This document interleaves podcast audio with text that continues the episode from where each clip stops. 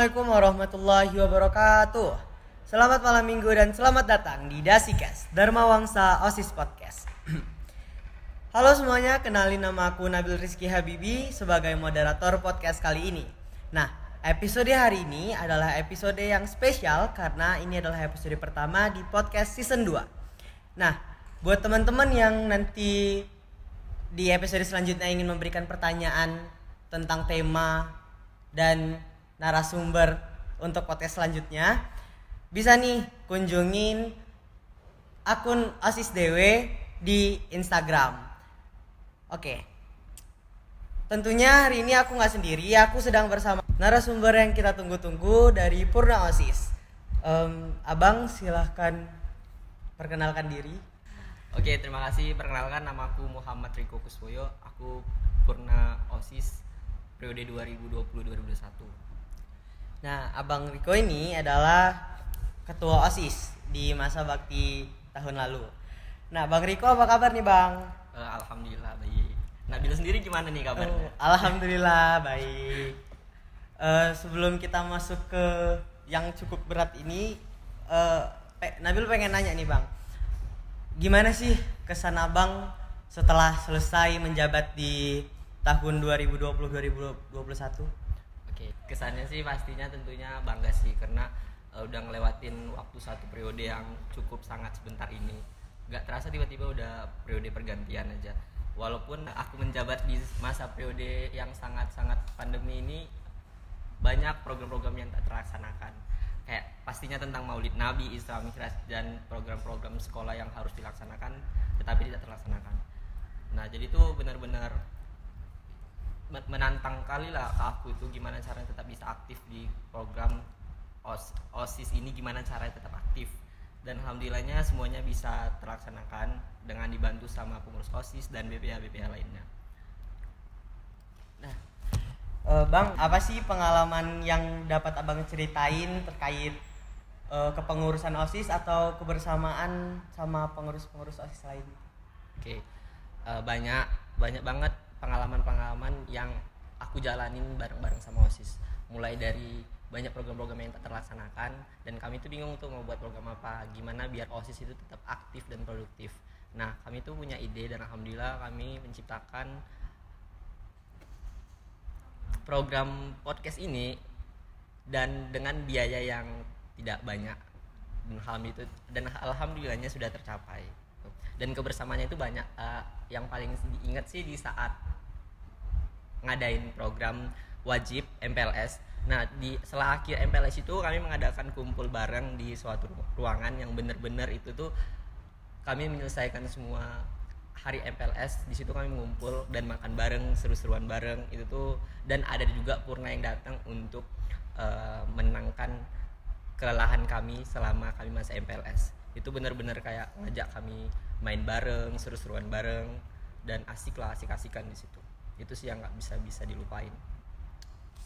Seru ya bang? Ya dong.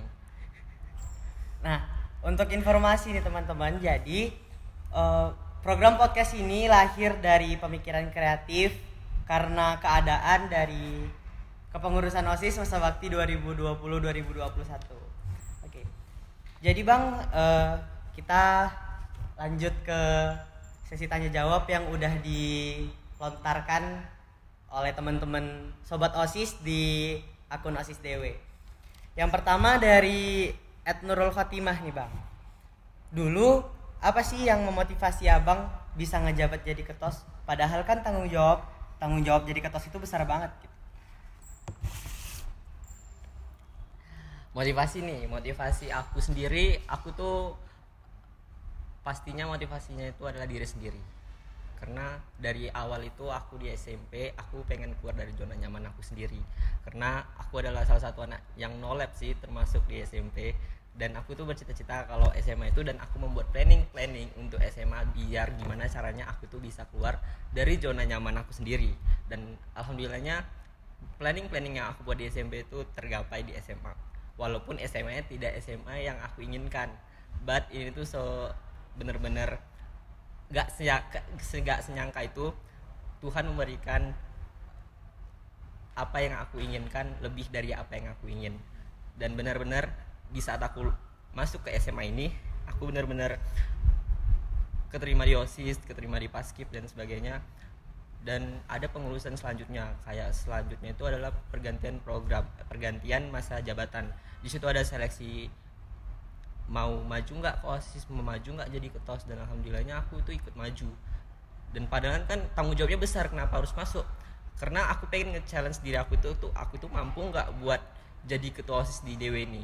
Kalau misalnya nggak mampu juga nggak apa-apa karena niatnya aku di sini tuh aku cuman men-challenge diri aku mampu tidak dalam berorganisasi. Dan aku bisa nggak keluar dari zona nyaman aku sendiri. Jadi sebenarnya pengen nantang diri sendiri untuk jadi lebih baik gitu ya mas? Yes. Terus kita uh, ke pertanyaan kedua nih yang sepertinya berkorelasi dengan jawaban abang tadi. Uh, ini dari Edward Balkis what are the basic things that can be done to train leadership bang Oke, berarti hal dasar menjadi seorang pemimpin. Nah, dari abang sendiri itu hal dasarnya kalian cukup menjadi kalau kalian mempunyai sifat yang mengayomi itu juga termasuk sudah menjadi seorang leadership. Ketika kalian nanti menjadi seorang yang besar, mulailah dari hal-hal kecil seperti kalian mau jadi kita ini ngebahas sekolah nih. Kalian cukup coba berani keluar dari zona nyaman kalian menjadi seorang ketua kelas misalnya badan pengurus harian sekolah, badan pengurus harian sekelas, dan bahkan kalau misalnya kalian tidak mempunyai apa tidak mempunyai keberanian untuk menjadi ketua kelas, coba jadi seorang ketua kelompok. Karena kan sebagai pasti ada tugas-tugas tuh yang berhubungan dengan pasti harus ada ketuanya. Nah, coba kalian beranikan diri untuk menjadi ketua kelompok. Itu juga men-challenge diri kalian untuk menjadi seorang pemimpin. Nah, jadi kita keluar dari zona nyaman untuk memperluas zona nyaman kita. Gitu. Iya. Kita lanjut ke pertanyaan ketiga nih dari Ed Duilnya. Ah. Apakah ada kesulitan dalam prokja selama pandemi ini? Soalnya kan keterbatasan di pandemi ini banyak gitu bang. Penasaran dia. Yang mana tuh? Oke, terima kasih atas pertanyaannya dari Dwilani apakah ada kesulitan dalam prokja selama pandemi pastinya banyak banget gitu kan karena kayak salah satunya kayak kita ditantang gimana cara kita tuh bisa aktif dan produktif di masa pandemi ini. Dan kita juga sebagai saya sendiri jadi ketua osis di kayak dibawa tekanan gitu kan gimana lo tuh bisa aktif gitu loh. Gimana cara lo tuh ngebawa maaf nih pakai lolo ya. Gimana cara uh, kamu ini sebagai ketua osis ngajak pengurus kamu itu buat aktif dan ngemajuin mereka gitu. Gimana caranya? Dan alhamdulillah ya kembali lagi ini saya berpikir untuk menciptakan podcast biar osis osis dan mawangsa menjadi lebih produktif. Dan tujuan podcast ini tuh untuk kita salah satunya mengikat tali silaturahmi kepada purna-purna juga sesama siswa-siswi DW dan tujuannya juga tentunya juga positif sih. Itu. Jadi di kesulitan-kesulitan yang abang hadapi itu kira-kira apa aja sih yang harus diperhatikan saat jadi ketua nih, saat jadi saat jadi pemimpin di masa pandemi seperti saat ini? Oke, terima kasih atas pertanyaannya dari Rizky. Apa saja ya yang harus dilakukan atau diperhatikan kalau jadi ketua OSIS di saat pandemi ini? Yang pasti sih kalian harus menjadi seorang yang pemimpin yang tegas disiplin terus kalian harus memiliki mental baja karena kalau kalian nggak punya mental itu tuh berat banget. Apalagi kalian tuh menjabat di masa pandemi. Itu benar-benar kalian dituntut untuk gimana cara kalian produktif gitu. Gimana cara kalian untuk mengasah pola pikir kalian ngebawa osis ini untuk tetap aktif di masa covid ini gitu. Nah terus selanjutnya belajar gimana cara kalian itu harus bisa public speaking. Public speaking itu penting apalagi kalian menjadi seorang pemimpin. Karena dari public speaking kalian itu kalian akan membawa ke mana ini osis gitu. Jadi itu penting banget public speaking. Dan jadilah pribadi pemimpin yang netral. Nah itu penting banget. Jadi kalian tuh kayak gimana ya? Jangan ke bawah suasana ketika suasana lagi sini kalian jadi ikutan. Kalau misalnya suasana hati kalian lagi ini kalian juga ngebawa semuanya jadi suasana seperti itu. Nah itu tidak boleh banget sebagai seorang pemimpin. Dan terakhir itu jangan mudah terprovokasi atau terpengaruh. Itu tuh gak bagus sebagai seorang pemimpin apalagi kita seorang pemimpin, ini harus bisa berpikir yang cerdas. Kalau misalnya kalian mudah terprovokasi kalian tuh bakal rusak gitu.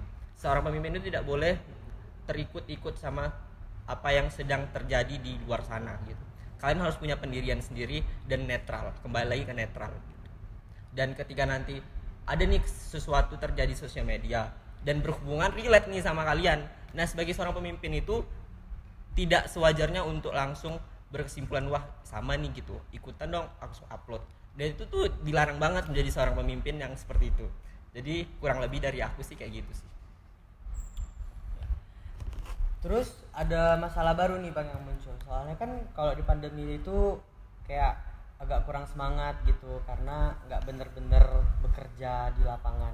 Nah kayak pertanyaan yang dikasih sama Ed Uci 1509 nih bang. E, bagaimana abang bisa meyakini diri abang sendiri dan anggota-anggota osis lainnya untuk tetap semangat di tengah kondisi pandemi yang meresahkan sekali? Oke, terima kasih ya atas pertanyaannya. Uh, dari aku sendiri, ini pribadi aku sendiri, caranya gimana untuk menyemangati teman-teman atau adik-adik pengurus OSIS. Caranya itu aku selalu mengadakan kegiatan rutin rutin rapat. Nah, di saat kegiatan rapat itu kami selalu seru-seruan di OSIS. Kami sering ngelakuin games bareng, kami sering ngelakuin curhat deep talk bareng dan itu tuh bener-bener sangat uh, ngebantu mereka kalau lagi pandemi apalagi kan kita belajarnya daring gitu pasti banyak muncul kegalauan kegalauan yang meronta ingin keluar ke mana-mana gitu kan dan di osis ini kita ngebentuk mereka buat seru-seruan bareng dan keluar dari zona-zona yang sangat menggalau itu um, selanjutnya kira-kira ada nggak sifat toksik yang nggak boleh dimiliki dalam berkepemimpinan? Oke, terima kasih atas pertanyaannya. Sifat toksik yang nggak boleh dimiliki seorang pemimpin itu yaitu adalah egois. Nah, egois ini tuh dilarang banget karena kalau kalian egois, adik-adik atau teman-teman kalian itu bakal nganggap kalian tuh kayak ini nih pemimpinan apa, mau dibawa ke mana nih kalau di egois? gitu. Dan terus kembali lagi ke jangan mudah terprovokator. Toxic itu tuh kalau berhubungan sama itu juga sama karena kalau ketuanya udah salah osisnya ini mau jadi ikutan salah juga gitu jadi jangan sampai ikutan salah. Kalau bisa itu jauh-jauh tuh dari sifat toksik itu. Kalau misalnya kepemimpinan kalian itu salah itu kalian ingatin baik-baik dengan cara yang baik-baik juga. Jangan langsung dibilang ah kamu ini seorang ketua osis kayak gini gini ini. Langsung dijudge langsung dibully. Nah itulah keuntungannya kalau ketua osis bermasalah sebagai BPH nah BPH itu yang support ketuanya diarahin ini kamu salah ini ini. Tidak mempermalukan di depan seluruh osis seluruh pengurus osis. Jadi seperti itu. Itu berarti jawabannya e, bersinggungan dengan karakter diri. Nah ini ada nih pertanyaan dari Etnaila Umay underscore. Bagaimana cara membangun karakter diri supaya kita bisa jadi lebih baik sebagai pemimpin di kondisi seperti saat ini? Oke terima kasih atas pertanyaannya dari Naila. Cara menurut aku sendiri nih membangun karakter di masa pandemi untuk menjadi seorang pemimpin. Kalian harus bisa bijak dalam menggunakan media sosial. Harus menahan tangan dari julid-julid yang panah ini. Karena kalau kalian itu julid gitu itu tuh nggak ada efek positifnya untuk diri kalian sendiri gitu. Jadi lakukan dan lakukan yang ketika kalian menggunakan sosial media itu harus bijak dan juga yang terakhir harus bisa membuat to do list. Apa sih to do list itu bang? Gitu. Apa sih to do list? Apa nah, sih itu bang to do list? Oke. Okay. kayaknya juga pengen buat nih to do list. Nah to do list itu untuk bukan hanya untuk pemimpin untuk semua orang itu penting banget. Karena to do list itu berguna untuk kalian biar aktif di masa pandemi seperti ini. Ketika kalian misalnya nih hari Senin kalian bingung nih kan lagi libur nih belajarnya juga daring apa sih yang harus mau aku nah to do list ini tuh penting. Kalian buat atur jadwal. Misalnya dari jam 1 nih sampai jam 3 kalian workout. Latihan lari ke mana-mana jogging lompat tali dan sebagainya. Di 4 jam 4 sampai ini kalian tuh misalnya lagi uh, mandi belajar gitu misalnya. Terus di jam 6 sampai jam 8 itu kalian chattingan main HP hibur diri. Terus jam 9 sampai jam sampai akhir itu kalian tidur gitu kan. Pokoknya buat list buat biar kalian agar karakter kalian itu terbentuk seperti itu gitu. Akuin to do list setiap hari dan kalian di hari minggunya kalian koreksi apa sih yang aku nggak kerjain selama aku buat to do list? Jadi buat bahan koreksian jadi seperti itu. Berarti harus bisa manajemen waktu salah satunya dengan to do list gitu. Iya kita sampai ke pertanyaan-pertanyaan yang last tapi not least gitu. Ini balik lagi ke Ed Nurul Khotimah nih bang. Kayaknya dia kepo kali bang sama tema kita hari ini dan narasumber kita eh sama abang gitu. Uh, ceritain dong bang pengalaman abang yang semoga masa bakti tahun ini, masa bakti saya nih, eh masa bakti aku nih jangan sampai ngalamin hal tersebut gitu. Iya, pengalaman yang Oke, terima kasih ya atas pertanyaannya Nurul yang langsung kedatangan nih temannya yang bertanya langsung ada di sini. Oke, uh, pengalaman yang nggak nggak boleh terjadi lagi di masa bakti yang baru ini yaitu kembali lagi yang seperti yang saya bilang tadi, aku bilang tadi kalau semisal nih ketua osisnya lagi ada ide ngebuat program bagus, kalian selayaknya BPH dan pengurus osis itu harus ngedukung. Jadi jangan pernah kalau misal nggak mungkin ketua osis tersebut ngebuat program itu menyesatkan pengurus osis. Itu nggak pernah. Pasti apa pun yang dipikirkan ketua osisnya itu untuk kemajuan osis. Jadi sebagai BPH harus pandai dan bijak. Selagi itu positif harus didukung. Tapi kalau misalnya ketua osisnya salah dalam penyampaian baru kalian ingatin ini untuk kamu salah dengan cara yang baik-baik gitu. Tidak kembali lagi tidak mempermalukan di depan pengurus osisnya.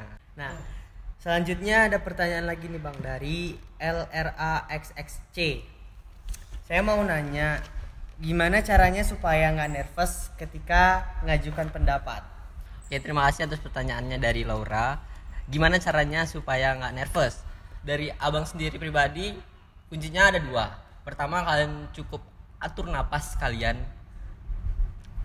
Uh, pokoknya buat diri kalian tuh supaya tenang dan gak deg-degan gitu kan. Karena kan nervous itu bener-bener gak bisa dihilangin gitu. Terus yang kedua kalian cukup buat uh, pikiran kalian tuh positive thinking dan buat vibes vibes diri kalian itu uh, jauh-jauh dari negatif. Karena kalau kalian berpikir negatif kalian tuh bakal ketika kalian lagi ngomong nih di depan umum terus kalian bakal buyar terus kalian bakal kayak aduh malu-maluin diri kalian gitu kan. Karena kan nervous ini berbahaya. Di sini nervous itu nggak bisa dihilangin tapi bisa ditangani gitu. Dengan cara dua itu kalian lakuin pas itu bakal bisa uh, memperbaiki nervous kalian. Selanjutnya nih bang ada dari @putra.sh sah. Sah. Sah ya aku dong. Sah. Assalamualaikum. Saya ingin bertanya untuk pertanyaan terkait tema podcastnya. Pertanyaan saya, misal abang sebagai ketua tim dari sebuah tim, jika dalam sebuah tim ada anggota yang berkata tidak jujur, abang selaku ketua, apa yang akan abang lakukan? Bagaimana abang dalam menyikapinya? Oke, terima kasih atas pertanyaannya dari Putra Sah. Oke, uh, dari aku sendiri nih, cara gimana menegur mereka ketika tidak jujur semua orang yang tidak berkata jujur itu pasti memiliki alasan kenapa mereka berkata seperti itu. Sebagai pemimpin harus ditanyain dulu apa sebab dia melakukan kebohongan seperti itu. Nah kalau dia sudah kita tanya baik-baik pasti dia bakal ngejelasin semuanya. Pasti ada mungkin masalah yang dipendam dia dan itu nggak berani ditunjukkannya. Ketika kita seorang pemimpin menanyakan kenapa dengan dirimu? gitu. Coba jelaskan kenapa anda bisa berbohong ketika kita sedang melakukan kegiatan seperti ini gitu nah nanti dia bakal ngejelasin semuanya dan ketemu titik solusinya. Di situ lah gimana kita sebagai ketua atau pemimpin menyikapi seorang yang suka berbohong seperti itu. Pasti punya alasan dan tujuan masing-masing. Berarti lebih ke bicara empat mata terus nanya kenapa dengan kamu berbohong seperti Ya. itu gitu. Bisa tuh guys diterapin. Selanjutnya nih bang Eh masih dari Nurul Khotimah Eh gimana tips atau cara-cara abang buat self love untuk seorang pemimpin nih? Oke terima kasih atas pertanyaan yang beribu-ribu kali nih dateng nih dari Nurul. So ini tuh pertanyaan yang bagus banget banget banget. Oke self love dari seorang pemimpin itu dari versi aku sendiri cukup kita mencintai diri sendiri dan nggak menyalahkan apa yang sudah terjadi. Karena kita nggak bisa memaksa untuk apa yang kita inginkan itu terjadi kayak nggak sesuai realita atau nggak sesuai ekspektasi kita. Jadi cukup berdamai aja sama diri kita apa pun yang terjadi itu harus bisa move on dan buka lembaran baru. Gitu. Kayak misal nih kalian abang nih abang kalau misalnya galau gitu kan. Nah abang biasanya cari ke tempat jalan-jalan kalau sore-sore gitu kan ngelihat pemandangan nih hijau-hijau. Pernah nggak sih dengar penelitian ketika kita melihat sesuatu yang hijau itu membuat kita itu menjadi hati pikiran dan semuanya itu menjadi bersih? Nah Pernah, Pak. pulang dari itu kita bakal jadi plong santai dan melakukan aktivitas kita kembali. Jadi seperti itu. Perlu nggak kita mencintai orang lain bang? Aduh. Buat refreshing.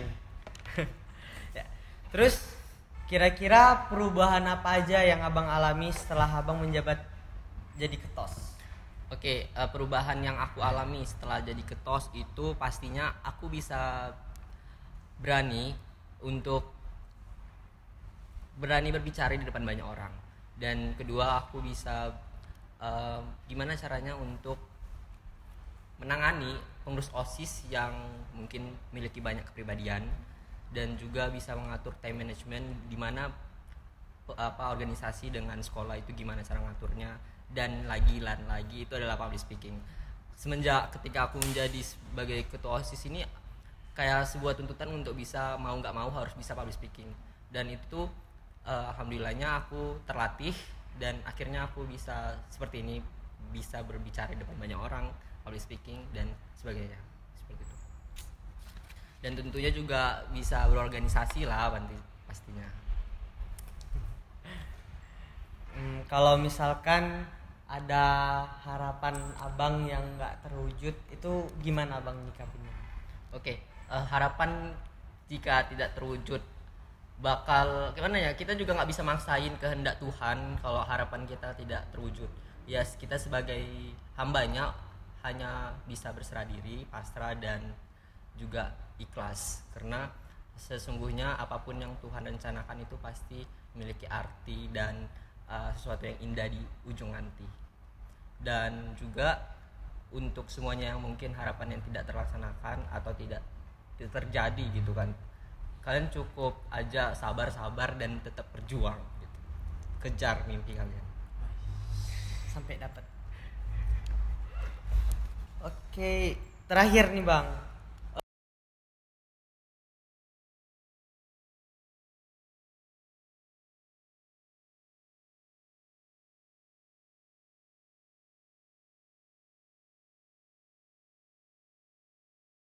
Dan yang terakhir nih bang nggak terasa kita udah di akhir aja nih ya Eh apa nih pesan-pesan abang buat kepengurusan OSIS di masa bakti 2021 dan 2022. Oke, untuk terima kasih yang sudah ya bertanya sebanyak ini dan udah sampai di ujung nih gitu kan. Jadi pesannya untuk pengurus OSIS baru masa periode 2021-2022 kalian harus tetap semangat, kompak, solid tentunya, jangan pernah berbeda pendapat. Pasti setiap organisasi itu mempunyai masalah gitu. Nah, sebagai pengurus OSIS atau ketua OSIS kalian ha- kamu nih harus bijak gitu kan. Jadi harus berpikir yang netral gitu. Dan oke terima kasih nih udah di penghujung podcast pertanyaan yang sangat banyak ini gitu. Dan nggak terasa ini sudah di penghujung pertanyaan aja untuk pesan pengurus osis 2021-2022 kalian eh, tetap harus semangat. Program kalian ini keren-keren banget. Jadi harus tetap ditingkatkan lagi gitu. Jadi jangan mau di stuck di situ-situ aja. Harus punya uh, pikir berpikir yang uh, gitulah. Tetap uh, pokoknya jangan ngestak di situ-situ aja harus bisa berprogres uh, untuk ke depannya. Dan juga tetap harus bisa menjadi seorang pemimpin atau pengurus osis yang tidak mudah terprovokasi. Dan untuk terakhir tetap your life is good as your mindset. Oke okay? mungkin itu aja. Tetap semangat semuanya. Sukses untuk osis dewi. Yes terima kasih bang Riko. Sekali lagi terima kasih kepada semua teman-teman yang udah nanya pada teman-teman yang sekarang sedang mendengarkan sampai nanti di akhir semoga. Mungkin sambil ngopi kali ya kan dengarnya atau Sama mungkin ayang. lagi ngebucin. Gitu. Wah, di jangan di tempat gelap-gelap dong. Ada lampu kok murah. Ingat Al Isra ayat 32 masya allah pada Bang Riko juga terima kasih Ya, atas oke. kehadirannya sama-sama sukses ya buat Nabil dan semuanya Amin. Jangan lupa terus stay tune di Dasikes dan Osis DW di Instagram. Terima kasih, selamat malam minggu. Assalamualaikum warahmatullahi wabarakatuh.